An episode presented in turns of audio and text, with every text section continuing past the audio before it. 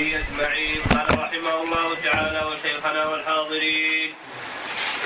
ويستحب له أن يقول بسم الله الذي خلقني فهو يهدين. الآيات لا قوله إلا من أتى الله بقلب سليم.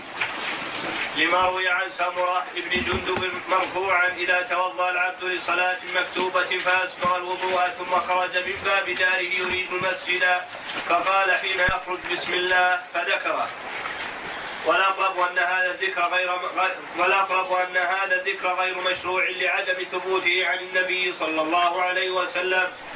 وإنما يستحب له أن يقول عند خروجه من منزله متجها إلى المسجد أو إلى غيره ما ثبت عن النبي صلى الله عليه وسلم أنه قال إذا خرج الرجل من بيته فقال بسم الله توكلت على الله لا حول ولا قوة إلا بالله.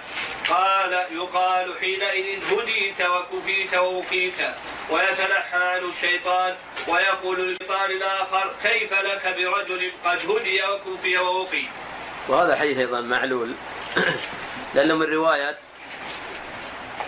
ابن جريج أو ابن إسحاق السبيع عن إسحاق رواية ابن جريج عن إسحاق بن عبد الله بن أبي طلحة عن أنس. قد ذكر البخاري وغيره بأن ابن جريج لم يسمعه من إسحاق بن عبد الله بن أبي طلحة. وقد جاء مصرحا به في بعض الطرق قال أنبئت ولم يذكر ابن جريج سماعا من إسحاق.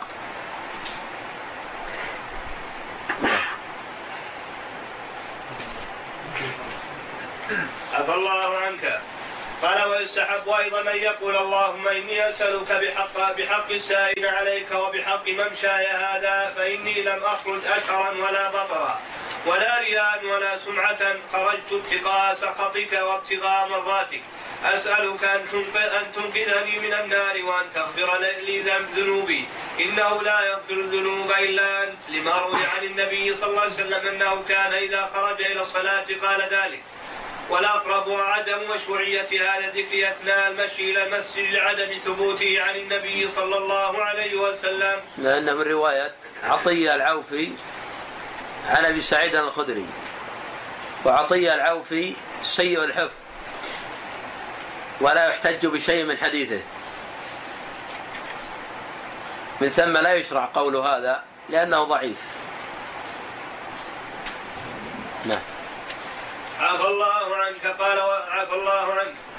وإنما يستحب أن يقول ما رواه البخاري ومسلم عن ابن عباس رضي الله عنهما عن النبي صلى الله عليه وسلم أنه خرج إلى الصلاة وهو يقول اللهم اجعل في قلبي نورا وفي لساني نورا واجعل في سمعي نورا واجعل في بصري نورا واجعل من خلفي نورا ومن أمامي نورا واجعل من فوقي نورا ومن تحتي نورا.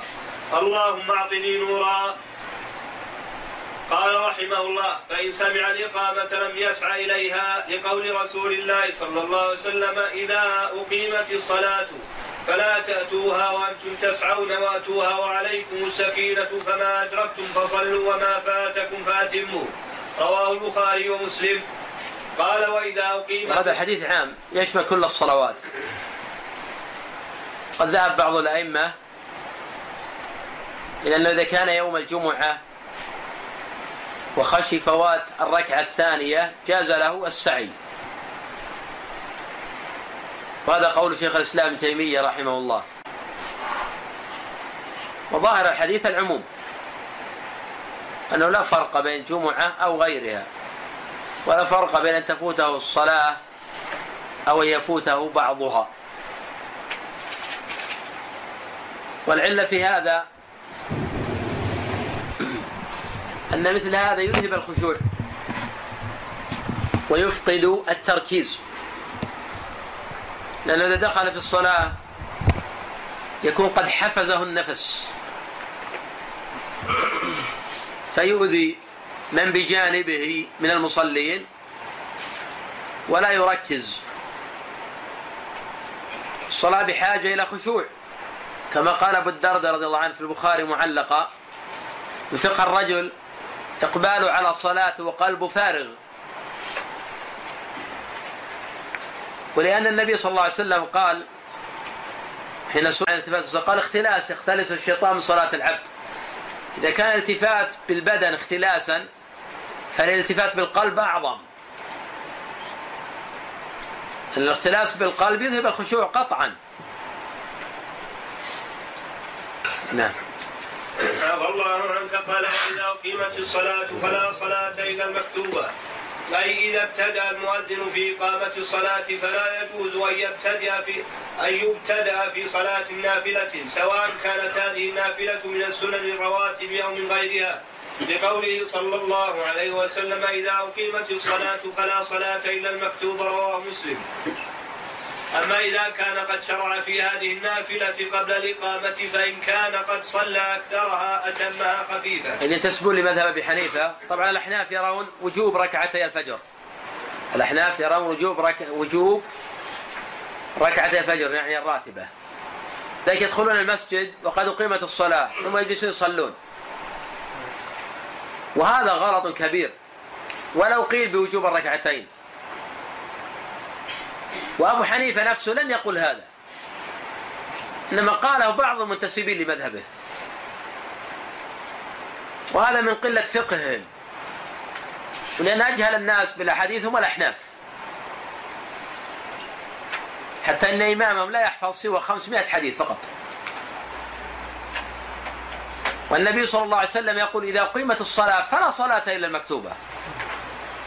والنبي صلى الله عليه وسلم حين أقيم الصلاة ورأى رجلا قام يصلي قال آه الصبح أربعة. وأنكر عليه النبي صلى الله عليه وسلم. وهذا في مسلم أيضا. فمثل هذا منكر مخالف للأحاديث الصحاح ويجب الإنكار على هؤلاء لمخالفتهم للسنة الصحيحة التي لا معارض لها. وسواء اعتقدوا وجوب الركعتين أو لم يعتقدوا. الحكم واضح. مع أنه ما هناك دليل على وجوب ركعتي الفجر. ولا فرق بين راتبة الفجر وبين غيرها إلا في الفضل. لقوله صلى الله عليه وسلم ركعة الفجر خير من الدنيا وما فيها. وهذا ليس أمرا ولا دليل وليس هذا دليلا على الوجوب. وأما إذا أقيمت الصلاة وهو يصلي فهذا محل خلاف بين العلماء. هل يقطعها؟ أم يتمها خفيفة؟ الصواب أن يتمه خفيفة. لا دليل على القطع. إلا في حالة واحدة. إذا خشي أن تفوته ركعة والحاذق ما تفوته ركعة. يقتصر على أدنى الواجب ويصلي. والدليل على هذا أن قوله صلى الله عليه وسلم إذا أقيم الظرف إذا ظرف لما يستقبل من الزمن. وليس ظرف لما مضى؟ إذ ظرف لما مضى. أما إذا ظرف لما يستقبل من الزمن. والنبي قال إذا أقيم الصلاة فلا صلاة إلا المكتوبة. يعني لا تنشئ صلاة بعد إقامة الصلاة وليس معنى الحديث. إذا قمت الصلاة فأي صلاة باطلة؟ هذا ما في دلالة. نعم. عفى الله عنك قال لأنه لم يبق من نافلته إلا أقل من ركعة وما كان أقل من ركعة فليس بصلاة فلم ينهى عنه. وإن كان بقي من نافلته أكثر من ركعة قطعها للحديث السابق. قال وإذا أتى المسجد قدم رجله اليمنى في الدخول لإجماع العلماء على أن اليمين يستحب أن يبدأ بها في الأمور الفاضلة. قال ويستحب عند دخول المسجد أن أن أن يقول بسم بسم الله والصلاة والسلام على رسول الله. اللهم اغفر لي ذنوبي وافتح لي أبواب رحمتك. الحديث الواردة في التسمية عند دخول المسجد كلها ضعيفة. والحديث الوارد أيضا في الصلاة على النبي صلى الله عليه وسلم مختلف فيها. قواها بعض العلماء وظاهر وسنيد الصحة عند أبي داود. ولكن الظاهر أيضا أنها معلولة. من جمع طرقها تبين له العلة. وأن المحفوظ هو اللهم اغفر لي ذنوبي افتح لي أبواب رحمتك وعند الخروج أبواب فضلك. هذا هو المحفوظ. بقي حديث آخر حديث عبد الله بن عمرو بن العاص. اختلف أيضا في صحته. أن النبي صلى الله عليه وسلم دخل قال أعوذ بالله العظيم وبوجهه الكريم السلطان القديم من الشيطان الرجيم. وهذا ظاهر إسناد الصحة. نعم. عفى الله عنك قال ويستحب له لما روى أحمد وغيره عن فاطمة بنت رسول الله صلى الله عليه وسلم آه، ورضي عنها عن النبي صلى الله عليه وسلم أنه كان إذا دخل المسجد صلى على محمد وسلم ثم قال اللهم اغفر لي ذنوبي وافتح لي أبواب رحمتك. وإذا خرج صلى على محمد وسلم وقال اللهم اغفر لي ذنوبي وافتح لي أبواب فضلك. ويستحب له إذا دخل المسجد أن يصلي ركعتين تحية للمسجد لقوله صلى الله عليه وسلم. إذا دخل أحدكم المسجد فلا يجلس حتى يصلي ركعتين. وهذا الحكم يشمل أيضا مكتبة المسجد إذا كانت داخلة في حائطه ومقتطعة منه. إذا كان الباب داخليا. إذا كان باب المكتبة داخل المسجد تأخذ حكم المسجد لأنه يجوز الاعتكاف في هذه الغرفة. أما إذا كان الباب خارجيا وليس للغرفة باب داخلي هذه لا تأخذ حكم المسجد. لأنه لا يجوز الاعتكاف في هذه الغرفة. نعم. عفى الله عنك. قال وهذا الحكم يشمل أيضا مكتبة المسجد إذا كانت داخلة في حائطه آه، ومقتطعة منه لأنه لأنها حينئذ جزء من المسجد. فيستحب أن يصلي تحية المسجد إذا دخلها أما إن كانت هذه المكتبة مبنية بجوار المسجد فإنه لا يشرع لها تحية. فإنه لا يشرع لها تحية المسجد ولو كانت ملتصقة به وفتح لها باب بداخله. إذا فتح لها باب داخل المسجد وكانت تابعة للمسجد داخل السور فإنها تأخذ حكم المسجد. إذا كان داخل السور كل ما كان داخل السور فإنه تابع للمسجد. وذاك لو بني قبر وضع قبر داخل عرصة المسجد فإن هذا يسمى مسجدا في قبر ولا تجوز الصلاة فيه. ليس المقصود المكان اللي يقيك من حر الشمس والمطر. كل ما كان داخل السور ناخذ حكم المسجد. نعم. الله عنك. ولهذا كانت بيوت النبي صلى الله عليه وسلم ليست من المسجد النبوي مع أنها ملتصقة به. نعم لكن ليست لم يكن سورها سور المسجد. لأنه لم يكن سورها سور المسجد.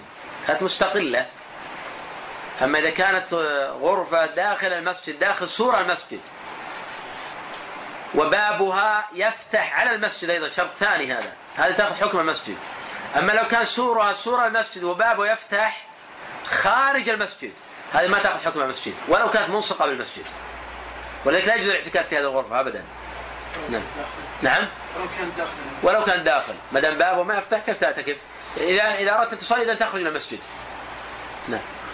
عفى الله عنك قال وفي مكتبة مسجدي وفي حكم مكتبة مسجدي كل غرفة أو بناء ملصق بالمسجد كغرفة الحارس وغرفة الإمام وغيرهما فإن كانت مقتطعة منه وداخلة في سوره وإن إن كان له سور وفتح لها باب إلى المسجد فهي جزء منه ولها حكم في تحية المسجد وغيرها من الأحكام وإن كانت غير مقتطعة منه ولا تدخل في سوره فليست جزءا منه ولا تلقى حكم المسجد آه، في تحية المسجد وغيرها. قال وإذا خرج من المسجد قدم رجله اليسرى لإجماع العلماء على على أن اليسرى يبدأ بها في الأمور المفضوله ومن ذلك الخروج من المساجد.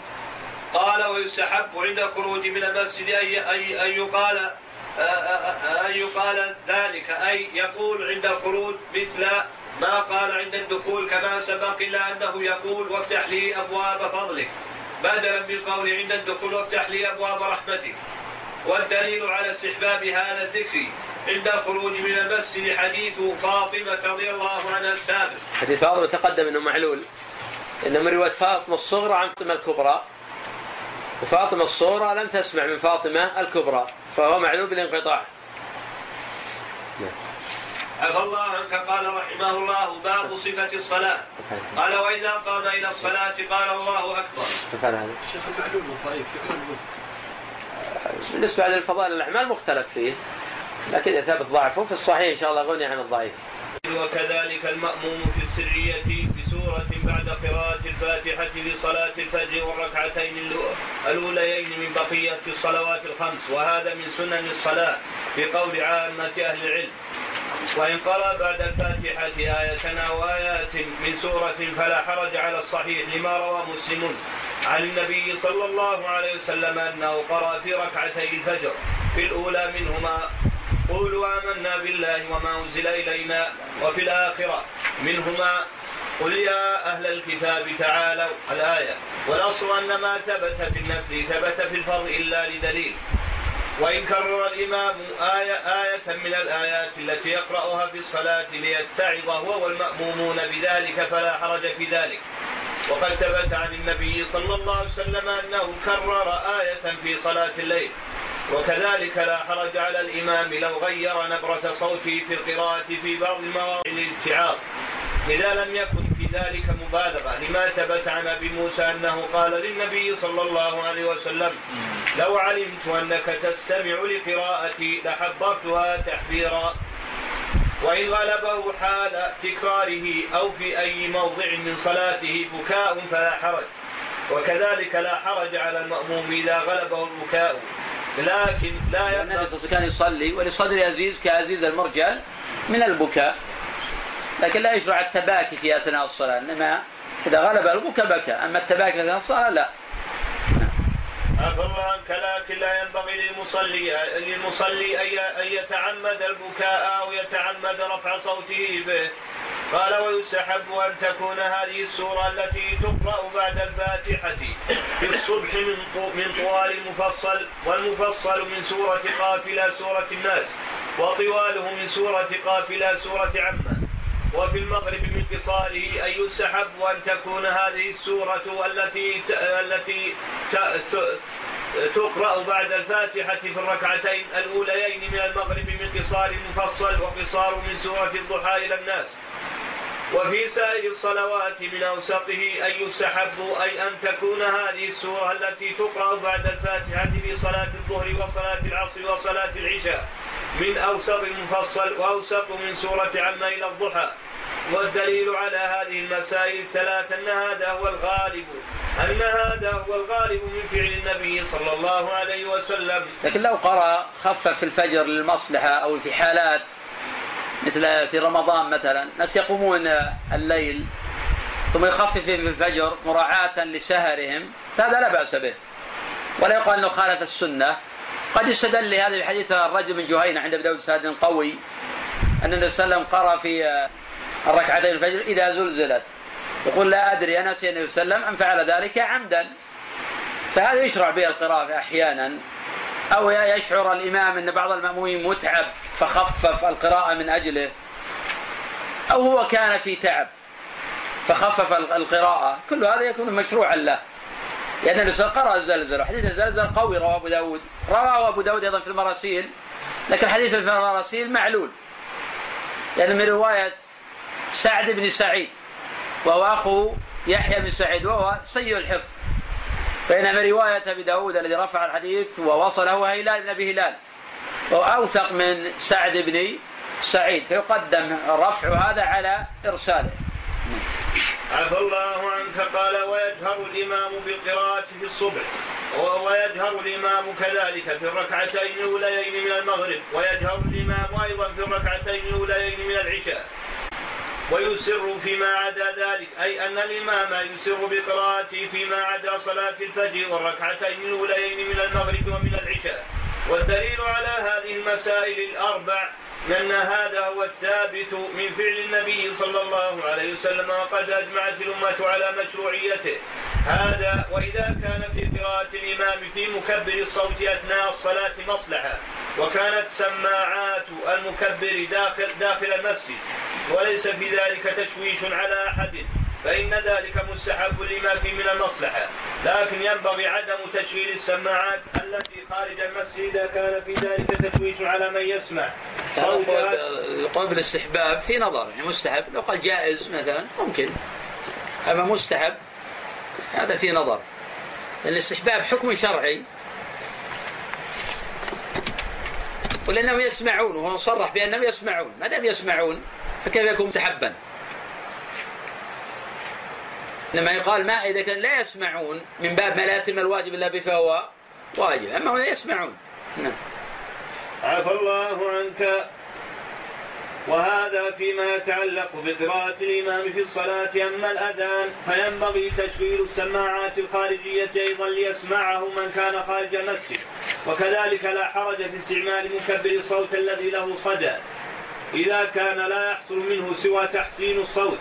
أما إن كان يحصل من هذا الصدى ترديد الحروف فيحرم استعماله لأن ذلك يؤدي إلى زيادة حرف أو حرفين في التلاوة فيكون في ذلك تغيير لكلام الله تعالى عما أنزل عليه. لكن ينبغي اتقاء ان بعض الأئمة تراه يصمد صمود للمكبر يضع فتحة فيه بالمكبر هم تجد مائل هكذا وما لا اعتدل ثم صار في شغل في وهذا المكبر. مع أن المكبر يلتقط خليه هنا واقرأ. يعني راقب ربك جل وعلا حط اسمك بالسماعة. ثم إذا قال هكذا ثم كبر. هذا كله غلط من العبث هذا ومراقبة المخلوقين والتصنع لهم هذا كله مذموم. الإنسان يبعد عنه والمكبر يلتقط. وليس بلازم أن تحسن من كل وجه يعجب الناس كل وجه. أو إذا كان بد من ذلك السماعات اللاقية تكون في هذا حتى لا يحصل لعب ولا عبث نحو ذلك. لاحظنا كثيرا من الناس ترى متمايلا يصلي وهو متمايل. ثم إذا فرغ من القراءة رفع رأسه ثم اعتدل ثم جاء يكبر. هذا شغله من أول الصلاة إلى نهاية الصلاة. عفى الله عنك قال وكذلك لا حرج عفى الله عنك. آه ثم يكبر. ويركع أي يكبر في حال انحناء للركوع لما روى البخاري ومسلم عن أبي هريرة قال كان رسول الله صلى الله عليه وسلم إذا قام إلى الصلاة يكبر حين يقوم ثم يكبر حين يركع ثم يقول سمع الله لمن حمده حين يرفع صلبه من الركوع ثم يقول وهو قائم ربنا ولك الحمد ثم يكبر حين يهوي ساجدا ثم يكبر حين يرفع رأسه ثم يكبر حين يسجد ثم يكبر حين يرفع رأسه. ثم يفعل مثل ذلك في الصلاة كلها حتى يقضيها. ويكبر حين يقوم من الثنتين بعد الجلوس. قال ويرفع يديه كرفعه الأول. أن يرفع أن يرفع يديه عند الركوع إلى حذو منكبيه أو إلى حذو أذنيه. والدليل حديث ابن عمر. وحديث مالك بن حويرث. وقد سبق ذكر ما في أول هذا الباب. ثم يضع يديه على ركبتيه معتمدا عليهما لما روى البخاري عن أبي حميد الساعدي في في صفة صلاة النبي صلى الله عليه وسلم وفيه وإذا ركع امكن يديه من ركبتيه ثم هصر ظهره. قال ويفرج أصابعه لما ثبت عن سالم عن أبي مسعود البدري قال لا أريكم صلاة رسول الله صلى الله عليه وسلم؟ قال قال فقام فكبر ثم ركع فجاف بين يديه ووضع يديه على ركبتيه وفرج بين أصابعها الحديث قال ويمد ظهره. عندك الحديث هذا؟ نعم روى الامام احمد وابو داود والنسائي من طرق عن عطاء بن سالم عن سالم وإسناد حسن. من طريق عطاء؟ من طريق عطاء بن السائب عن سالم. عن سالم. قال وغيره من طريق زائدة ومن طريق حمام يحيى. عن عطاء. وقد روي عن عطاء قبل اختلاف زائدة في نظر مش صحيح. زائدة روى عن عطاء بعد الاختلاط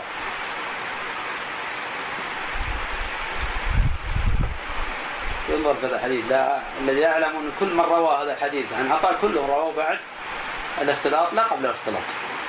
الذي روى عن عطاء بن السائب قبل الاختلاط هو الاعمش سفيانان حماد بن زيد والخلاف في حماد بن سلمة مشهور. أما الزائدة وطبقة الزائدة هذا روى عن عطاء بعد الاختلاط. تأكد من الحديث. نعم. عفى الله عنك. قال ويمد ظهره أن يجعل ظهره في حديث آخر ما ذكر حديث وائل. قال الرسول إذا ركع فرج أصابعه وإذا سجد ضم أصابعه وهذا صححه ابن خزيمة في صحيحه وأيضا هذا له علة. إن هذا الحديث فيه انقطاع. أشار إليه الإمام أحمد رحمه الله تعالى. نعم. عفى الله عنك قال ويمد ظهره وان يجعل ظهره حال الركوع مستويا. لما روى أبو برزة قال كان النبي صلى الله عليه وسلم إذا ركع لو صب على ظهره ماء لاستقر. قال ويجعل رأسه حياله أن يجعل رأسه حال الركوع محاذيا ظهره لا مرتفعا عنه ولا منخفضا عنه لما روى مسلم عائشة رضي الله عنها قالت كان رسول الله صلى الله عليه وسلم إذا ركع لم لم يشخص رأسه ولم يصوبه. يعني يشخص بالتخفيف أحسن.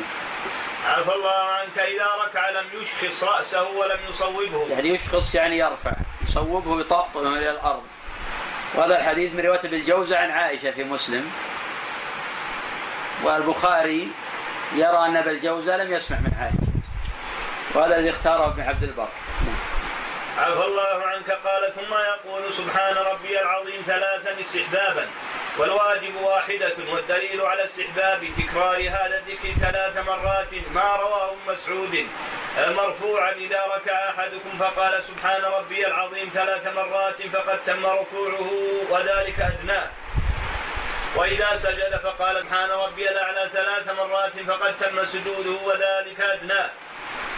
قال ثم يرفع رأسه يعظم لو لو لم يقل سبحان ربي العظيم وسبحان ربي الأعلى وعظم الله جل وعلا بها. الاذكار الاخرى مثل يقول سبوح قدوس أو سبحانك اللهم رب العالمين أجزى ذلك. والدليل على هذا حديث ابن عباس في مسلم أن النبي صلى الله عليه وسلم قال أما الركوع فعظموا فيه الرب. تعظيم الرب لا يشترط أن تقول سبحان ربي العظيم. لأن النبي صلى الله عليه وسلم كان كان يقول سبحان ربي العظيم وتارة يقول سبوح قدوس. تارة يقول سبحان ذي الجبروت والملكوت والعظمة والكبرياء. تارة يقول اللهم لك ركعت ولك أسلمت وبك آمنت. خشع لك سمعي وبصري ومخي وعظم وعظمي وعصبي. وهذا في مسلم. كذلك لو أنه سجد واشتغل بالدعاء دون التسبيح أجزأ ذلك. قوله صلى الله عليه وسلم وأما السجود فاجتهدوا فيه في الدعاء فقمن أي حري أن يستجاب لكم. لكن يقدم بين يدي دعاء تسبيحا وتحميدا يكون الدعاء أجوب. نعم. عفى الله عنك. عفى الله عنه قال ثم يرفع رأسه قائلا سمع الله لمن حمده ويرفع يديه كرفعه الأول وقد سبق ذكر الدليل على هاتين المسألتين قريبا. شيخنا فإذا اعتدل قائما قال ربنا لك الحمد ملء السماوات وملء الأرض وملء ما شئت من شيء بعد لثبوت ذلك من فعله صلى الله عليه وسلم ويقبض يده اليسرى بيده اليمنى أو يضعها عليها في هذا الموضع كما يفعل قبل الركوع. وهذا هو ظاهر حديث سهل بن سعد رضي الله عنه. وفيه كان الناس يؤمرون أن يضع أن يضع الرجل يده اليمنى على ذراع اليسرى في الصلاة. رواه البخاري. نعم هذا حديث سهل. ولا يختلف العلماء في استحباب وضع اليمين على الشمال. هذا متفق عليه. إنما الخلاف أين يضعهما؟ قد تقدم أن أصح شيء ورد في الباب هو مرسل طاووس وهو وضعهما على الصدر. تقدم شرح الحديث المرفوعة وأن في أسانيدها نظرا وأن أمثل ما جاء في الباب هو حديث يحيى ابن سعيد القطان عن سفيان عن سماك بن حرب عن قبيصة بن هل عن أبيه عن النبي صلى الله عليه وسلم. تقدم تعليله قد رواه الجمع عن سفيان لم يذكروا وضع اليدين على الصدر منهم عبد الرحمن بن مهدي ووكيع وعبد الرزاق وآخرون. قلنا ليست هذه العلة لأن يحيى بن سعيد القطان ثقة ثبت ليس من السهل. تخطئته وإنما هو تفرد آه، سماك بن حرب عن قبيصة بن هلب وقبيصة بن هلب عن أبيه فلا يقبل في مثل هذا. نعم. عفى الله عنك. قال ويقتصر المأموم على قول ربنا ربنا ولك الحمد لقوله صلى الله عليه وسلم إنما جعل الإمام ليتم به فإذا كبر فكبروا وإذا ركع فاركعوا وإذا قال سمع الله لمن حمده فقولوا ربنا ولك الحمد وإذا سجد فاسجدوا متفق عليه. حمده سمع الله لمن حمده. صحيح كذا؟ صحيح. ضمه صح ماذا يقول؟ سك ما سك لا سمع إذا وقفت كذا ما حمده عفوا عنك يقول يقتصر المأموم على ربنا ولك الحمد. إي نعم. بمعنى يقتصر بمعنى لا يقول سمع الله لمن حمده خلافا للشافعي. الشافعي يستدل بقول صلى الله عليه وسلم إنما جعل الإمام ليؤتم به فإذا كبر فكبروا. ويقول إذا قال لمن سمع الله تقول سمع الله لمن حمده. وخالفه الإمام أحمد فقال إذا قال لمن سمع الله تقول ربنا ولك الحمد. لقوله صلى الله عليه وسلم فإذا قال سمع الله الحمد فقولوا ربنا ولك الحمد. الشافعي يرى أنك تقول ربنا ولك الحمد لكن لا ينافي إلا تقول سمع الله لمن حمده. أو يريد هذا المؤلف. ولكن الواجب ربنا ولك الحمد. ما زاد على ربنا ولك الحمد كله سنة ليس بواجب. ما هو الدليل على أن الباقي السنة ليس بواجب؟ من منكم يجب دليل؟ طيب لعل قصد النبي صلى الله عليه وسلم ربك الحمد وما بعده. لكن تاخير البيان عن وقت الحاجة لكن ما في شيء أصرح من هذا. هذا ليس بصريح من كل وجه. نعم. عن أبي هريرة في القنوت ابن عمر. كان يقول إذا قسم الله الحمد ربنا ولك الحمد اللهم العب فلان وفلان نعم هذا أصرح. حديث في الباب. إن الواجب ربك ما عدا ليس بواجب. طبعا كان إذا قنت يشرع له. لا ما يشرع إذا قنت، إذا قنت اراد الإمام يقنت. إذا قال ربنا لك الحمد مباشرة. ياتي لأن هذا الحديث صريح في الباب في البخاري حديث ابن عمر. نعم. عفى الله عنك؟ قال ثم يخر ساجدا مكبرا وقد سبق ذكر الدليل على ذلك قريبا. قال ولا يرفع يديه لا يرفع يديه عند انحطاطه للسجود لقول ابن عمر رضي الله عنهما لما ذكر رفع النبي صلى الله عليه وسلم يديه في الصلاة قال ولا يفعل ذلك في السجود. قال ويكون أول ما يقع على الأرض منه ركبتاه ثم كفاه ثم جبهته آه، ثم جبهته وأنفه لما ثبت عن النبي صلى الله عليه وسلم أنه كان يصنع ذلك. هذا يعني شيء ثابت عن النبي صلى الله عليه وسلم الحقيقة ما هناك شيء ثابت. إن أول ما يقع منه ركبتاه جاءت حديث بأن أول ما يقع منه يده وحديث أول ما يقع منه ركبتاه والحديث في هذا وهذا كله معلولة. لا يصح في الباب شيء عن النبي صلى الله عليه وسلم وعن الصحابة خلاف. فكان عمر رضي الله عنه يقدم ركبتيه على يديه. وكان ابن عمر كما في البخاري تعليقا يقدم يديه على ركبتيه. فيفعل الإنسان ما هو أرفق به وأسهل له. وش نعم. حق الجمل لا يبرك أحدكم؟ اي هذا معلول. لا يبرك أحدكم ما يبرك البعير هذا خبر معلول. نعم. عفى الله عنك. قال ويؤيد هذا الحديث. أنا شاهدت حتى طلبة العلم يجمع بين بين الركبتين واليدين جميعا. هذا عجيب. اي هذا اجتهاد أصلا الحديث كله معلولة ما صح شيء في الباب. لكن كل يعمل هذا العمل ما أدري ما ينكر عليه. لا ينكر عليه لأنه أنا أقول عموما هو يرى صحة الحديثين. ولا من تعمل بهذا مرة وبهذا مرة. إذا كنت تعتقد صحه الحديثين تعمل بهذا مرة وبهذا مرة. ترجح كله ضعيفة. ما في شيء ما صح عن تعمل ما هو الافضل فعل ما شئت. ما في سنة. سنة ما في سنة. عفى الله قال ويؤيد هذا الحديث أن هذه الصفة هي الأرفق بالمصلي وهي الموافقة لطبيعته وأنه رجحها عامة أهل العلم.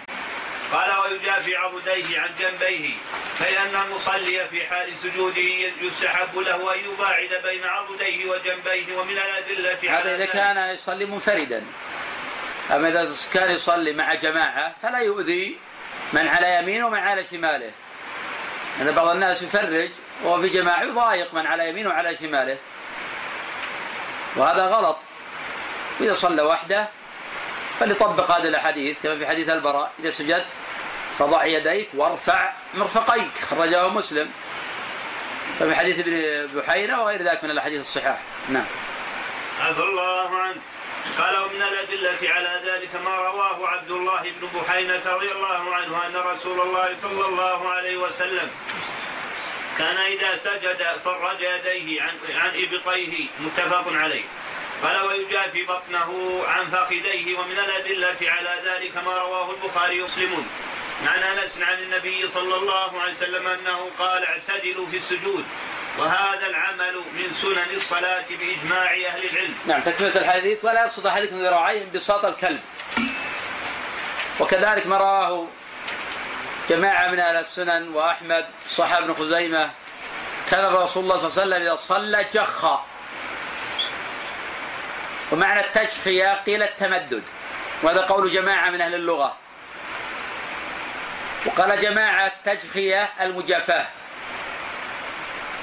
وقال طائفة التجخية التقويس.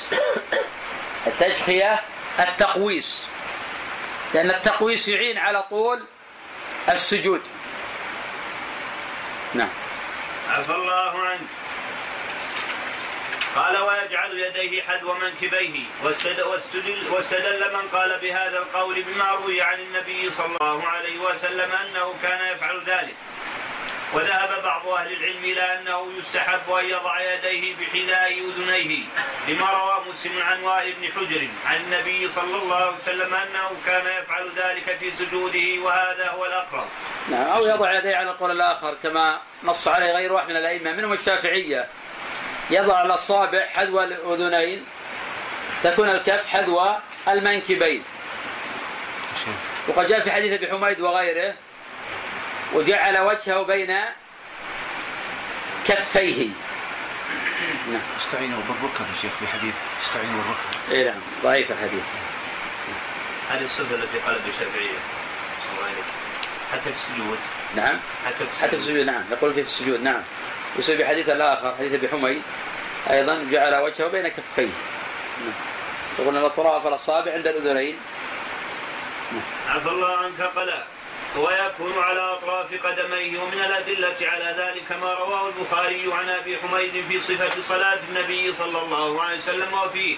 فإذا سجد وضع يديه غير مفترش ولا قابضهما واستقبل بأطراف أصابع رجليه القبلة فإذا جلس في الركعتين جلس على رجله اليسرى ونصب اليمنى وإذا جلس في الركعة الأخيرة قدم رجله اليسرى ونصب الأخرى وقعد على مقعدته. نعم وإذا كانت الصلاة ذات تشهد واحد. فهذه مسألة خلافية بين العلماء. هل يتورك أم يفترش؟ فالظاهر والله أنه يفترش ما يتورك. وأن التورك مخصوص بذات التشهدين. نعم. أما إذا كانت الصلاة ذات تشهد واحد كالفجر فإنه يفترش ولا يتورك. نعم. السنة كذلك. نعم. السنة يا شيخ ما علاقة. يصلي سنة ركعتين. يفترش أيضا. يفترش. بين التشهدين يفترش في التشهد. التورك خاص في الصلاة ذات التشهدين كالمغرب والرباعية. إذا كان التورك يا شيخ عكس السنة لأنه ينصب اليمين ينصب اليسرى لا لا غلط. لا غلط. يمكن تقصد الإمام فهو لأجل مرض. ما يفعل لأجل مرض. لا لأنه السنة. إذا فات ركعة ولحق ثلاث تشهدات ممكن يلحق أربع تشهدات. إيه يعني إذا جئت الإمام في المغرب قال سمع الله ولمن حمده تصلي أربع تشهدات حينئذ. متى؟ ما تدرك مع الإمام هو أول صلاتك. ما تدرك مع الإمام هو صلاتك. إذا على هذا الطريقة ما تتورك إلا في الأخيرة التي ستسلم فيها. عفى الله عنك قال ويكون على أطراف قدميه. عفى الله قال ويجب منع كل ما يحول بين المصلي وبين السجود على الأعضاء السبع. فيجب أن يكون الفرش الذي يفرش به المسجد مما يعين على ذلك. لكن لابد يثبت على الأرض بعض الناس قد يصلي على فراش السفنج هذا ثم يتمايل ما يثبت. هذا ما يصح السجود عليه. هذا ما يصح السجود عليه ما سجد على شيء. ما سجد على الأرض. فبمنزلة السجود على الهواء فيتمايل ما ثبت. إذا نعم الفراش ثبت على الأرض لا بأس به. ما ثبت على الأرض تتمايل هذا السجود ما يصح على هذا الفراش. عفى الله عنك عفى الله عنك. آه، ويجب ان ان تجنب المساجد الفرش التي تمنع المصلي من تمكين جبهته وأنفه بالارض في حال السجود كما يجب على المصلي أن يجتنب كل ما يمنعه من السجود على الأعضاء السبعة كلبس النظارات التي تمنعه من تمكين جبهته وأنفه من الأرض. قال ثم يقول كذلك يجتنب العبث. إما أن يلبسهم إذا كانت لا تضره ولا تمنع السجود يسر فيهما. أما إذا سجد نزع واذا قام أخذ هذا لا داعي له. هذا يتمكن يبقي الأمر على ما هو عليه. نعم. عفى الله قال ثم يقول سبحان ربي الأعلى ثلاثا وقد سبق ذكر الدليل على ذلك قريبا. آله وصحبه أجمعين. قال رحمه الله تعالى وشيخنا ثم يقول سبحان ربي الأعلى ثلاثا وقد سبق ذكر الدليل على ذلك قريبا ثم يرفع رأسه مكبرا والدليل حديث أبي هريرة رضي الله عنه الذي سبق ذكره في هذا الباب. قال ويجلس مفترشا فيفرش رجله اليسرى ويجلس عليها وينصب اليمنى ويثني أصابعها نحو القبلة. ومن الأدلة على ذلك حديث أبي حميد في صفة صلاة النبي صلى الله عليه وسلم. وفيه قوله بعد ذكره السجدة الأولى ثم ثنى رجله اليسرى وقعد عليها. وقياسا على جلوس التشهد الأول. قال ويقول رب اغفر لي ثلاثا استحبابا والواجب واحدا. وقد استدل من قال باستحباب التكرار ثلاثا بالقياس على التسبيح في الركوع والسجود. وذهب بعض أهل العلم إلى أن السنة الا يزيد على تكرار هذا الذكر مرتين. وذهب الجمهور أصلا ذهب الجمهور إلى أن الذكر بين السجدتين ليس بواجب. ذهب الجمهور إلى أن الذكر بين السجدتين ليس بواجب. وهذا قول أبي حنيفة ومالك والشافعي. لأنه لم يرد في ذلك أمر من النبي صلى الله عليه وسلم. والواجبات تثبت بالأوامر. وأما الأفعال فتكون سنة. وذهب مالك رحمه الله إلى أن الذكر بين السجدتين ليس تعبديا فعلى مذهب مالك تذكر الله بما أحببت. نعم. عفى الله عنك. عفى الله عنك. ألا يزيد على تكرار هذا الذكر مرتين لأنه ثبت عن النبي صلى الله عليه وسلم أنه كان يقول بين السجدتين رب اغفر لي رب اغفر لي ولم يثبت عنه تكرارها أكثر من أكثر من ذلك. قال ثم يسجد الثانية كالأولى لأن النبي صلى الله عليه وسلم كان يفعل ذلك وهذه السجدة واجبة بالإجماع. قال ثم يرفع رأسه مكبرا لحديث أبي هريرة السابق في هذا الباب. وينهض قائما فيصلي الركعة الثانية كالأولى لقوله صلى الله عليه وسلم للمسيء صلاته. بعدما ذكر له صفة الركوع الركعة الأولى ثم افعل ذلك في صلاتك كلها متفق عليه. وهذا مجمع عليه إلا أن الركعة الثانية ليس فيها استفتاح. وهذا مجمع عليه أيضا. قال فإذا فرغ منها منهما جلس للتشهد مفترشا. وقد سبق ذكر صفة الافتراش وذكر الدليل عليها في هذا الباب. ويضع يده اليسرى على فخذه اليسرى. ويضع يده اليمنى على فخذه اليمنى ومن الأدلة على هذه ثلاث هذه مسألة ثلاث صفات. الصفة الأولى يضع اليد اليمنى على الفخذ الأيمن واليسرى على الفخذ الأيسر. هذه الصفة الأولى. الصفة الثانية أن يضع اليمنى على الركبة اليمنى واليسرى على الركبة اليسرى. الصفة الثالثة أن يضع اليمنى على الفخذ واليسرى على الركبة اليسرى. هذه ثلاث صفات كلها ثابتة ومحفوظة عن رسول الله صلى الله عليه وسلم. نعم. عفى الله عنك.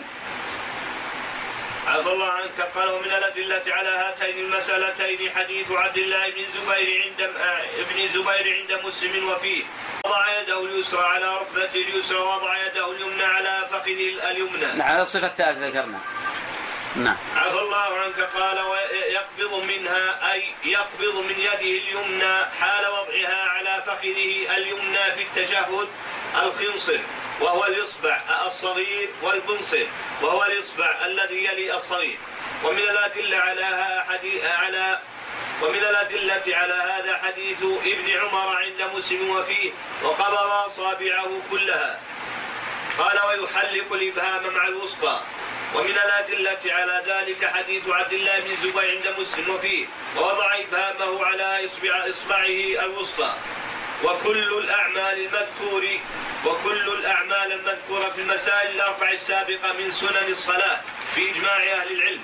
جاء عدة صفات من هذه الصفة؟ الصفة مشهورة. وجاءت هذه الصفة. يقبض الجميع يقول هكذا. وأتانا صفتان مرويتان في صحيح الإمام مسلم. نعم.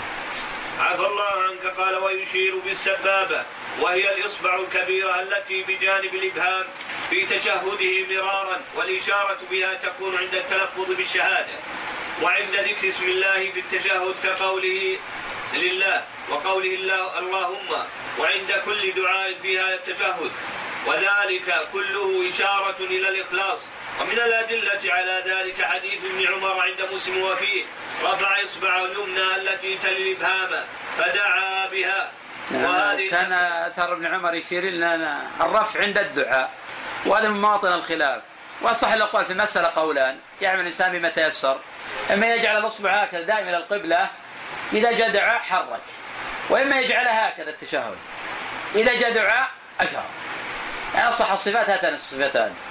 إما هذه ولا ومع ذلك فكله ما يستقيم مع الأحاديث الصحاح أما الحاني وما لا تقدم عندنا أنه ضعيف وبينا علته. ما يوصف هذه يعني من الصفات هذه؟ ما لها علاقة. نتكلم إحنا على الاشاره ولا نعم. هذه الصفة ثابتة. وهذه الصفة ثابتة. وهذه الصفة نفسها هي مختلف فيها. هل تقول كذا وتقول هذا؟ نفسها. نعم. هي إي نعم. اختلفوا فيها أنه ذكر صفتين في المجموع. ذكر هذه الصفة وذكر هذه الصفة. شيخنا أليس عند قول من يقول التشهد كل عبارة عن دعاء؟ يلزم التحريك مطلقا وكله عن دعاء لكن في أشياء خبر. التحيات لله. يدخلها عموما. ويدخلها لكن كلام على الطلب. الطلب. كقول اللهم صل هذا الطلب. وليس تقديم بالثناء لا نحن نعرف إن الدعاء نوعان دعاء عبادة دعاء مسألة. الكلام على دعاء المسألة. عفى الله عنك قال وهذه المسألة وهي الإشارة بالتشهد مجمع على استحبابها. قال ويقول أي في حال جلوسه للتشهد التحيات لله والصلوات والطيبات والسلام عليك أيها النبي ورحمة الله وبركاته. السلام علينا وعلى عباد الله الصالحين أشهد أن لا إله إلا الله وأشهد أن محمدا عبده ورسوله. فهذا أصح ما روي عن النبي صلى الله عليه وسلم في التشهد فقد رواه البخاري ومسلم. وذكر بعض أهل العلم أنه حديث متواتر. صحيح هو متواتر. وتقدم أصلا عندنا متواتر. هو ما صح إسناده إلى النبي صلى الله عليه وسلم وتلقاه العلماء بالقبول. وهذا قد صح إسناده إلى النبي صلى الله عليه وسلم وتلقاه العلماء بالقبول. فصدق عليه لفظ التواتر على مذهب الأئمة المتقدمين. ويصدق عليه لفظ التواتر على أصول المتأخرين. أن يرويه جمع آه، غفير تحيل العاده تواطؤهم على الكذب. نعم. لا عند لفظ الجلال لا ما عليه دليل هذا عند الدعاء. عند اللهم ولا أي شيء في دعاء. اللهم صل على محمد دعاء. يعني من أول ما تبدأ بالتشهد أي شيء في دعاء طلب تشير بالأصبع. نعم.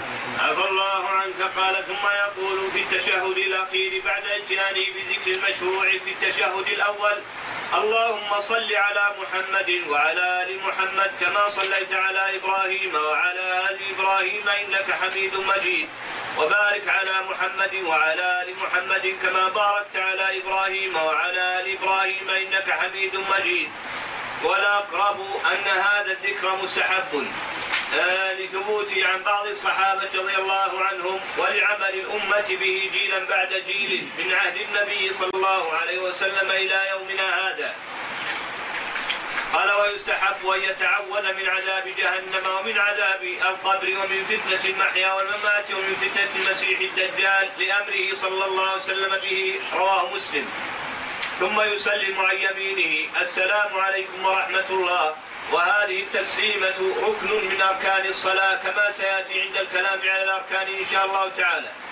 وبعد ذلك يسلم عن يساره كذلك فهذه التسليمة مشروعة في الصلاة لفعله صلى الله عليه وسلم لها ولكنها غير واجبة لإجماع الصحابة رضي الله عنهم على أجزاء التسليمة الأولى. ابن القيم رحمه الله تعالى أنكر أن يكون في اتفاق للصحابة في هذا. وقد ذهب طائفة من العلماء إلى أن التسليمة الثانية واجبة كالأولى. وأن من سلم من الصلاة التسليمة الأولى ثم أحدث. قبل أن يسلم الثانية بطلت صلاته. وهذا المشهور في مذهب الإمام أحمد.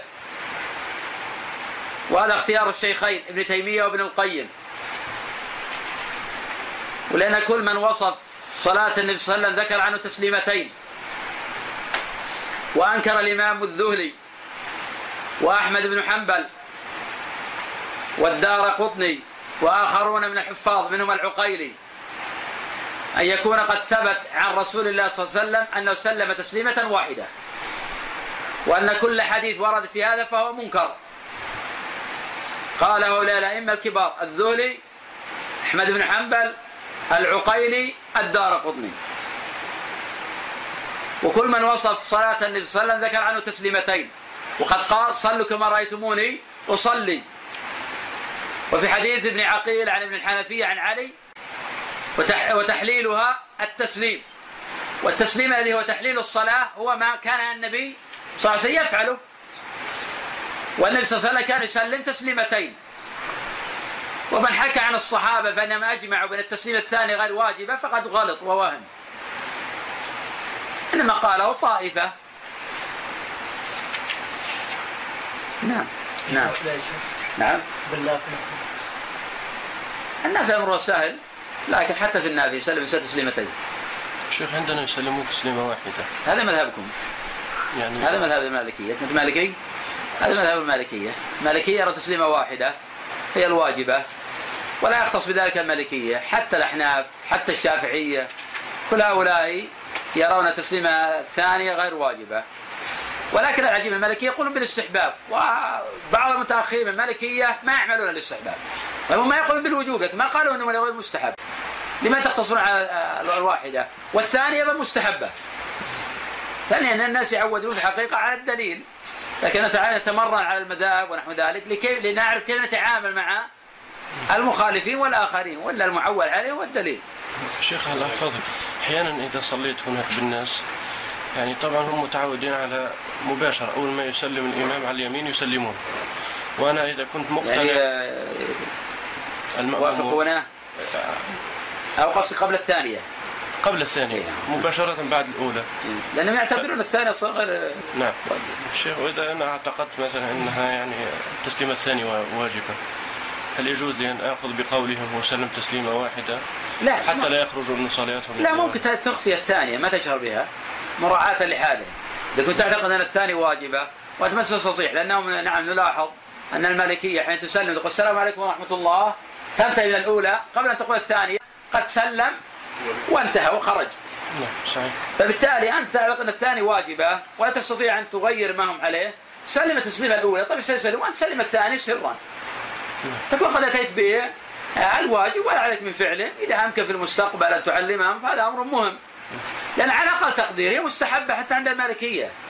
هم لا يقولون بأنها غير مستحبة يقولون بالاستحباب فلماذا لا يعملون بهذا المستحب؟ يعني لا يبطل صلاتهم شيخ كونهم يسلمون قبل الإمام يعني قبل ما يسلم التسليمة الثانية لا لا أنهم يعتقدون أن الصلاة الثانية غير واجبة. الالتفات واجب ولا سنة؟ نعم. التفات السنة حتى إذا أخطأ ما ما يشترط إيه نسب في الحاشية الإمام أحمد رحمه الله أنه قال إن ما أحدثت التسليمتان في زمن بني العباس. نعم. يقول أحدثت التسليمتان في زمن بني العباس. نسبوا الإمام أحمد. هذا قول لكن ثابت عن أحمد رحمه الله تعالى ضعف كل الأحاديث. أحمد ضعف كل الأحاديث في التسليمة الواحدة. والإمام أحمد رحمه الله تعالى يحتج بحديث سعد في التسليمتين. والحديث الصحيح صحيح الإمام مسلم احتج بعدة حديث الإمام أحمد رحمه الله تعالى. وأنكر يكون ورد عن النبي صلى الله عليه وسلم أنه سلم تسليمة واحدة. وضعف كل الأحاديث الواردة في هذا. نعم. الله نعم. التسليمة الثانية. وهو يعتقد أنها واجبة. خلاص إذا كان الناس يعتقد أنها واجب يعيد الصلاة. إذا كان الفاصل ما طال يأتي بها. إذا كان لا ما يعتقد الوجوب كما قال الجمهور. هذه مسألة واضحة. نعم. عفى الله. قال وإن كانت الصلاة وإن كانت الصلاة أكثر من ركعتين نهض بعد التشهد الأول كنهوضه من السجود. أي أنه ينهض مكبرا ويشرع له هنا أيضا أن يرفع يديه كرفعه لهما عند تكبيرة الإحرام وعند الركوع. والسنة في هذا الموضع أن ينهض معتلا على يديه. والسنة في هذا الموضع أن ينهض معتمدا على يديه. لأن القول أنه يعتمد على ركبتين يحتاج إلى دليل صحيح ولا هناك دليل صحيح. وهذا عام في القيام من الأولى للثانية من الثانية للثالثة من الثالثة للرابعة. ينهض معتمدا على يديه هذا المحفوظ في البخاري وما عدا لم يثبت. نعم. عفى الله عنك. أن يرفع عفى الله عنك. أن يرفع يديه كرفع, كرفع لهما عند تكبيرة الإحرام وعند الركوع والرفع منه وقد سبق ذكر الأدلة على ذلك في هذا الباب. تقدم أن الحديث هذا في البخاري والجمهور لا يقولون به. نعم. عفى الله عنك. قال ثم يصلي ركعتين لا يقرأ في لا يقرأ فيهما بعد الفاتحة شيئا. لكن لو قرأ في الظهر والعصر لا بأس به، دل دل تحديث صحاح على أنه كان يزيد. كما في حديث حذرنا قراءة الرسول صلى الله عليه وسلم فكان يقرأ في الأوليين. من الظهر قد ألف لام في الأخريين على النصف من ذلك والنصف من ذلك من 15 آية والفاتحة سبع آيات دل ذلك أنه كان يزيد. نعم. عفى الله ثم عفى الله في ثبوت ذلك عن النبي صلى الله عليه وسلم قال فإذا جلس للتشهد الأخير تورك فنصب رجله اليمنى وفرش اليسرى وأخرجهما عن يمينه وقد سبق ذكر الدليل على هذه المسألة في هذا الباب ولا يتورك إلا في صلاة فيها تشهدان في الأخير منهما. فالتشهد الأول في الرباعية والثلاثية يشرع فيه الافتراش وقد سبق ذكر الدليل على ذلك وكذلك التشهد للصلاة الثنائية كالفجر. وما يماثلها يشرع فيه الافتراش أيضا. لما روى مسلم عن عائشة رضي الله عنها في صفة صلاة النبي صلى الله عليه وسلم قالت وكان يقول في كل ركعتين التحية وكان يفرش رجله اليسرى وينصب رجله اليمنى. قال فإذا سلم استغفر ثلاثا الاستغفار هو سؤال الله تعالى مغفرة الذنوب. وقال أي بعد الاستغفار ثلاثا اللهم أنت السلام ومنك السلام تباركت يا ذا الجلال والإكرام. نعم لأن السنة الثابتة عن النبي صلى الله عليه وسلم استغفر ثلاثا دل ذلك على ذلك حديث ثوبان في مسلم وحديث عائشة في مسلم. فرد على من يقول بالتكبير بعد السلام مباشرة. مستدلا بحديث ابن عباس. كنا نعرف انقضاء صلاة الرسول صلى الله عليه وسلم بالتكبير. وأنه ليس المقصود التكبير كما فهمه أنه يسلم يقول الله أكبر. المحفوظ عن النبي صلى الله عليه وسلم استغفر ثلاثا. وقال اللهم انت السلام ومنك السلام تبارك ذا الجلال والإكرام ثم التفت إليهم. ولم يكن النبي صلى الله عليه وسلم يكبر. إنما التكبير الذي يعنيه ابن عباس هو إذا جاء مع سبحان الله والحمد لله والله أكبر. هذا الذي يعنيه ابن عباس. نعم. عفى الله عنك قال والدليل على هاتين المسألتين ما رواه مسلم عن ثوبان قال كان رسول الله صلى الله عليه وسلم إذا انصرف من صلاته استغفر الله ثلاثا وقال اللهم أنت السلام ومنك السلام تبارك هذا الجلال والإكرام. قال رحمه الله باب أركان الصلاة وواجباتها. أركانها اثنا عشر. ما الفرق بين الركن و سؤال إليك موجه. الركن والشرط. الركن سوى عليك. الركن إذا سقط لا الفرق ما هو يعني الفرق من حيث التعريف لا من حيث التعريف.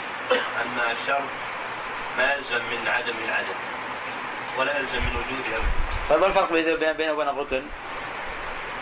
الركن يصدق عليه هذا. كان الشرط إيش الفرق بينه وبين في الصلاة؟ إيش الفرق بين الشرط في الصلاة والركن في الصلاة؟ الشرط يكون قبل الصلاة. نعم الشرط يكون قبل الصلاة والركن في صلب الصلاة. في صلب الصلاة. وكل منهم يتفقان على استصحاب ذلك إلى النهاية, النهاية. نعم.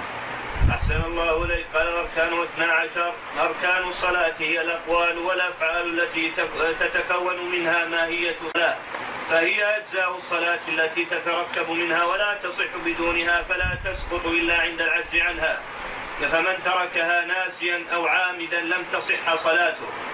يعني يجب أن يأتي به. بمعنى لو ترك ركنا في الصلاة مثل شخص في الصلاة السرية ترك فاتحة كتاب في الصلاة السرية ثم لم يذكر ذلك إلا في الركعة التي تليها. تكون هذه إذا كانت الأولى هي التي نسيها الأولى تكون الثانية هي الأولى والأولى تبطل. ولكن يجب عليه فيها حينئذ السجود للسهو. نعم. عفى الله قال القيام مع نعم. القدرة. نعم. اي تبطل. يذكر الثانية هي الأولى فعلى يصلي خمس. الأولى بطلناها لكن يسجد السهو وجوبا الله قال القيام مع القدرة والدليل قوله تعالى وقوموا لله قانتين. قوله صلى الله عليه وسلم لعمران بن حصين صل قائما فإن لم تستطع فقاعدا فإن لم تستطع فعلى جنب رواه البخاري. وهذا الركن خاص بالفريضة دون النافلة. قال وتكبيرة الإحرام والدليل ما ثبت عن علي رضي الله عنه مرفوعا مفتاح الصلاة الطهور. الطهور وتحريمها التكبير وتحليلها التسليم وحديث وحديث المسيء صلاته الآتي. قال وقراءة الفاتحة لقوله صلى الله عليه وسلم لا صلاة لمن لم يقرأ بفاتحة الكتاب متفق عليه. والركوع والرفع منه تقدم إن الحنابلة يرون إن الفاتحة واجبة في السرية ما يرون ذا واجبة في الجهرية وهذا قول الجمهور. كأبي حنيفة أيضا وكمالك كالحنابلة وهذا قول عامة العلماء من الصحابة والتابعين والأئمة المتبوعين. أما الشافعي رحمه الله فقد ذهب إلى شرطية الفاتحة في السرية والجهرية وتبع على ذلك طوائف. تقدم أدلة كل واحد منهم لكن المعول عليه عند الشافعية هو حديث محمد بن إسحاق عن مكحول عن محمود بن الربيع عن عبادة. أن النبي صلى الله عليه وسلم قال لعلك تقرون خلف إمامكم قلنا نعم. قال لا تفعلوا إلا بفاتحة الكتاب. وهذا الخبر معلول. وقد رواه الزهري عن محمود بن الربيع بلفظ لا صلاة لمن لم يقرأ بفاتحة الكتاب. وهذا هو المحفوظ كما نص عليه الترمذي رحمه الله تعالى في جامعه. ورواية ابن إسحاق شاذة. فعلى هذا لا يسلم لهم الاستدلال به على شرطية الفاتحة في الصلاة الجهرية. وإن الذي عليه الأكابر من الصحابة كأبي بكر وعمر بن الخطاب وعلي بن أبي طالب وابن عمر وزيد بن ثابت وجابر بن عبد الله أن الفاتحة لا تجب في آه، الجهرية. نعم. تجب الشهرية في السرية. نعم. تجب في إيه السرية نعم. نعم. عفى الله عنك. قال والركوع والرفع منه والسجود على على السبعة الأعضاء. وهي الوجه واليدان والركبتان والقدمان. قال والجلوس قول القدمان أن الركن. ما قدر الركن في القدمين؟ لأن بعض الناس ترى إذا سجد يلعب في قدميه. مرة يرفع مرة يخفض. ويلعب بيديه. مرة يرفع مرة يخفض. هذه مسألة خلاف بين العلماء لأن الطائفة من الفقهاء يقولون متى ما رفع قدميه بطلت صلاته. لأنه خلى بركن من الأركان. فعلى هذا يعيد السجدة بأسرها بأكملها لأنها باطلة. إذا ما أعادها بطلت الركعة كلها إذا ما عاد شيء بطلت الصلاة كلها. وطائفة يقولون لا. إذا أتى بالقدر الواجب بمعنى ثبت يديه وقدميه على الأرض ثم أتى بالواجب عليه في الركوع في السجود. ثم رفع بعد الواجب عليه يكون آثما لكنه لا تبطل ركعته. وهذا قول قوي. لأنه لم يرد في الحقيقة القدر الذي يكون ركنا. فنجعل القدر الذي يكون ركنا هو بقدر ما يأتي بالواجب عليه في السجود. والواجب عليه إما التسبيح أو الدعاء. إذا أتى به والقدمان ثابتتان على الأرض مع اليدين فنقول هذا أدى الركن. ما عدا ذلك واجب. إذا خل بالواجب يكون عاصيا نعم عفى الله عنك قال والجلوس عنه أي الجلوس بعد السجود وهي الجلسة بين السجدتين. والطمأنينة في هذه الأركان أي في الركوع والاعتدال عنه والسجود والجلوس بين السجدتين والطمأنينة هي السكون وإن قل. ومن الأدلة على هذه الأركان الخمسة حديث والمسيء صلاته. فعن أبي هريرة رضي الله عنه أن رسول الله صلى الله عليه وسلم دخل المسجد فدخل رجل فصلى. ثم جاء فسلم على رسول الله صلى الله عليه وسلم فرد السلام قال ارجع فصلي فإنك لم تصلي. فرجع الرجل فصلى كما كان صلى ثم جاء إلى النبي صلى الله عليه وسلم فسلم عليه.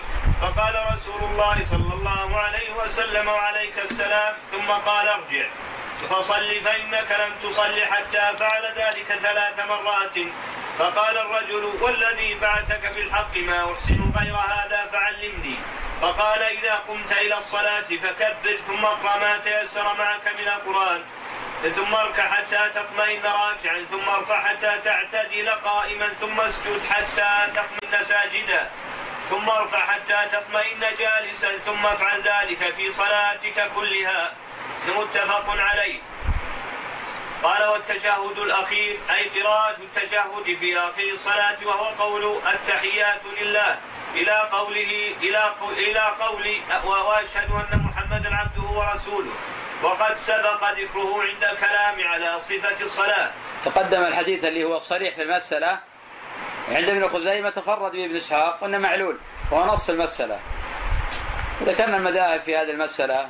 منهم من استدل بالعمومات. إن التشهد الأول كالثاني كالشافعية. ومنهم الحنابلة استدلوا بحديث أبي عبيدة عن أبي ان الناس كان على الرضف والحجاره والحمار قلنا أن أبي عبيدة لم يسمع من ابيه ولكنه داخل في المسند وأطلنا في هذه المسألة. نعم. عفى الله عنه. قال والجلوس له أي الجلوس للتشهد الأخير. والدليل على هذه المسألة والمساله التي قبلها مداومته صلى الله عليه وسلم على هذا الجلوس. وعلى قراءة التشهد فيه. وقوله عليه الصلاة والسلام صلوا كما رأيتموني يصلي رواه البخاري. قال والتسليمة الأولى والركن منها قوله السلام عليكم أما قوله ورحمة الله فهو من سنن الصلاة. ومن الأدلة على ركنية هذه التسليمة قوله صلى الله عليه وسلم مفتاح الصلاة الظهور وتحريمها التكبير وتحليلها التسليم قال وترتيبها على ما ذكرنا. أي ترتيب هذه الأركان عند أداء الصلاة بحسب ترتيبها السابق. ومن الأدلة على ذلك أن النبي صلى الله عليه وسلم علم المسيء صلاته مرتبة بحرف ثم الذي يدل على الترتيب. قال فهذه الأركان لا تتم الصلاة إلا بها قوله صلى الله عليه وسلم للمسيء صلاة في في صلاته. لما ترك بعض أركان الصلاة كما في حديث أبي هريرة السابق ارجع فصل فإنك لم تصلي. الافعال والأقوال التي يلزم المصلي فعلها اثناء الصلاة فإن تركها عمدا بطلت صلاته وإن تركها نسيانا صحت صلاته. لكن يلزمه أن يجبر هذا النقص في صلاته بسجدتي السهو. إن علم بهذا النقص وهو في الصلاة أو بعدها بيسير. قال التكبير غير تكبيره الإحرام. وتسمى تكبيرات الانتقال وهي تكبيرات الركوع وتكبيرات السجود والرفع منه والرفع منه وتكبيرات الرفع من التشهد الأول ومن الأدلة على وجوب هذه التكبيرات. مواظبته صلى الله عليه وسلم عليها إلى أن توفاه الله تعالى وقوله عليه الصلاة والسلام صلوا كما رأيتموني أصلي رواه البخاري. قال والتسبيح في الركوع والسجود مرة مرة. أي قول سبحان ربي العظيم في الركوع مرة واحدة. وقول سبحان ربي الأعلى في السجود مرة واحدة. يعني هذا هو الواجب. وهذا من مفردات الإمام أحمد عن الأئمة الثلاثة. فإن الأئمة الثلاثة يذهبون إلى أن هذا مستحب. ولا يرون هذا واجبا. تقدم بالأمس. أنه لو اقتصر على الدعاء في السجود دون التسبيح أنه يسقط عنه الوجوب لقوله صلى الله عليه وسلم وأما السجود فعظموا وأما السجود فاجتهدوا فيه في الدعاء. وقال في الركوع فعظموا فيها الرب. فكان هذا دليل أن الأمر هو على الدعاء بمعنى أن هذا ينوب عن هذا. لكن الأفضل أن يأتي بالتسبيح أولا ثم بالدعاء ثانيا لأن هذا يكون أيضا أقرب إلى الإجابة. حين تعظم الله ثم تدعو يكون أقرب إلى الإجابة. عفى الله عنك قال ومن الأدلة على وجوب هذا التسبيح في الركوع والسجود ما روي عن النبي صلى الله عليه وسلم أنه لما نزل قوله تعالى فسبح باسم ربك العظيم. قال صلى الله عليه وسلم اجعلوا اجعلوها في ركوعكم. ولما نزلت سبح اسم ربك الأعلى. قال عليه السلام اجعلوها في سجودكم. نعم لكن هذا الحديث ضعيف. نعم. عفى الله عنك. والتسميع والتحميد في الرفع من الركوع أي قول سبحان الله لمن حمده. للإمام والمنفرد. حال الرفع من الركوع وقول ربنا لك الحمد للإمام والمأموم والمنفرد. حال القيام بعد الرفع من الركوع وقول رب اغفر لي بين السجدتين ومن الأدلة على هذه الواجبات مواظبته صلى الله عليه وسلم على هذه الأذكار في جميع صلواته إلى أن توفاه الله تعالى وقوله عليه الصلاة والسلام صلوا كما رأيتموني أصلي. رواه البخاري. قال والتشهد الأول أي قراءة التشهد وقد سبق ذكره في صلة الصلاة. والجلوس له أي الجلوس للتشهد الأول. ومن الأدلة على هذين الواجبين أن النبي صلى الله عليه وسلم لما نسي هذا التشهد سجد للسهو. متفق عليه. قال والصلاة على النبي صلى الله عليه وسلم في التشهد الأخير ومن أدلة هذا القول قوله تعالى إن الله وملائكته يصلون على النبي يا أيها الذين آمنوا صلوا عليه وسلموا تسليما. وذهب جمهور أهل العلم إلى أنها مستحبة لا واجبة واستدلوا بأن عمر وغيره من الصحابة علموا الناس التشهدات التي علم التي علمهم إياها النبي صلى الله عليه وسلم ولم يذكروا فيها الصلاة على النبي صلى الله عليه وسلم. فلو كانت واجبة وجزء من التشهد لعلموها الناس وهذا هو الأقرب. لكن حديث عجل هذا. كان في الصلاة. قال النبي صلى الله عليه وسلم إذا دعا أحدكم فليبدأ بحمد الله والثناء ثم ليصلي عليه. وهذا أمر. وظاهر هذا الحديث أنه كان في الصلاة. لقول صلى الله عليه وسلم عجل هذا. وهذا في أمر والأمر يقتضي الوجوب. كما ذهب إلى ذلك الإمام الشافعي وأحمد رحمه الله في المشهور عنه.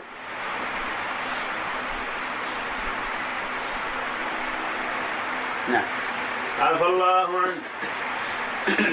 عفى الله عنك. قال فهذه أي الواجبات السبعة السابقة. إن تركها عمدا مع القدرة على الإتيان بها بطلت صلاته لأنه ترك جزء واجبا من الصلاة بغير عذر. وإن تركها سهوا سجد لها أي إن ترك الواجبات السابقة أو ترك واحدا منها سهوا وجب عليه أن يجبر هذا النقص بسجدتي السهو. فكذا نسي سجدتي السهو حتى طال الوقت تسقط عنه. ولو ذكر سجدة السهو خرج من المسجد ذكر سجدة السهو في البيت يجوز أن يسجدهما في البيت. استقبل القبلة ويسجد سجدة السهو لا يلزم أن يرجع إلى المسجد. أما إذا كان في المسجد فإنه في مكانه أيضا. لو انتقل مثلا هو هنا وانتقل إلى هنا في هنا ما في مانع أنه يسجد سجدة السهو والصواب في سجد السهو أنهما واجبتان. تجبان مع الذكر وتسقطان بالنسيان. عفى الله عنك لأن النبي صلى الله عليه وسلم لما نسي التشهد الأول سجد له سجدتي السهو ويقاس عليه بقية الواجبات. قال وما عدا هذا ما سوى الأركان والواجبات السابقة. فسنن لا تبطل الصلاة بعمدها أي لا تبطل الصلاة بتركها عمدا لأنه لا يجب على المصلي الإتيان بها ولا يجب السجود لسهوها أي لو ترك سنة من سنن الصلاة القولية أو الفعلية سهوا فلا يجب عليه أن يسجد للسهو من أجل تركه لأنه لأن ما ترك ليس بواجب فإذا لم يكن الأصل واجبا وهو هذه السنة التي تركها سهوا لم يكن الفرع واجبا لم يكن الفرع وهو سجود السهو واجبا لأن الفرع لا يزيد على أصله. صحيح هذا كلام صحيح. إذا قلنا أن السنة لا يجب جبره بسجود السهو. لكن الخلاف أيضا هل يشرع هذا؟ على اعتبار أنه سهى أم يقال أنه ما سهى أصلا لأنه ما ترك إلا سنة. نعم. الله قال رحمه, رحمه الله باب سجود السهو. قال والسهو على ثلاثة أضرب أي ثلاثة أنواع. أحدها أحدها زيادة فعل من جنس الصلاة كزيادة ركعة أو زيادة ركن كأن يزيد في إحدى الركعات ركوعا أو سجودا أو قياما أو قعودا. فتبطل الصلاة بعمده أي أن المصلي لو زاد في صلاته ركعة أو ركنا عمدا بطلت صلاته. لحديث من عمل عملا من عمل عملا ليس عليه أمرنا فهو رد متفق عليه وهذا مجمع عليه. قال ويسجد لسهوه أي يسجد سجدتي السهو إذا زاد في الصلاة ركعة أو ركنا سهوا. لقوله صلى الله عليه وسلم إذا زاد الرجل أو نقص فليسجد سجدتين. متفق عليه. قال وإن علم من زاد الصلاة ركعة وهو في الركعة الزائدة جلس في الحال وجوبا لأنه لو لم يجلس لكان قد زاد في صلاته ركعة عمدا وذلك مبطل لها. بدون تكبير لبعض الناس يكبر. تلاحظ بعض الأئمة يقول الركعة الخامسة يقول الله أكبر الركعة الخامسة. ثم يذكر قائم أنه غلط. يجلس بدون تكبير. كذلك العكس. هو كبر جلس مثلا التشهد آه ظننا الأخير والركعه الثالثه في الرباعية. قال الله أكبر بدل ما ينهض جلس التشهد. ظن ان هذا الرباعية تبينت قال سبحان الله. بعض الأئمة يلاحظ ويقول الله أكبر ينهض وهذا غلط. التكبير اللي تكبرتها للجلوس هي كتكبيرة تكبيرة الانتقال كتكبيرة القيام فلا وجه حينئذ للتكبير. أما مواضع سجود السهو هذه أيضا مسألة خلاف. والعامة في الحقيقة مع التعليم لا يزالوا ما يفهمون. ففي رواية عن الإمام أحمد يمكن الأخذ بها وهي لا تعارض الأدلة بل الأدلة تنصرها يفهمها العامة ويعونها.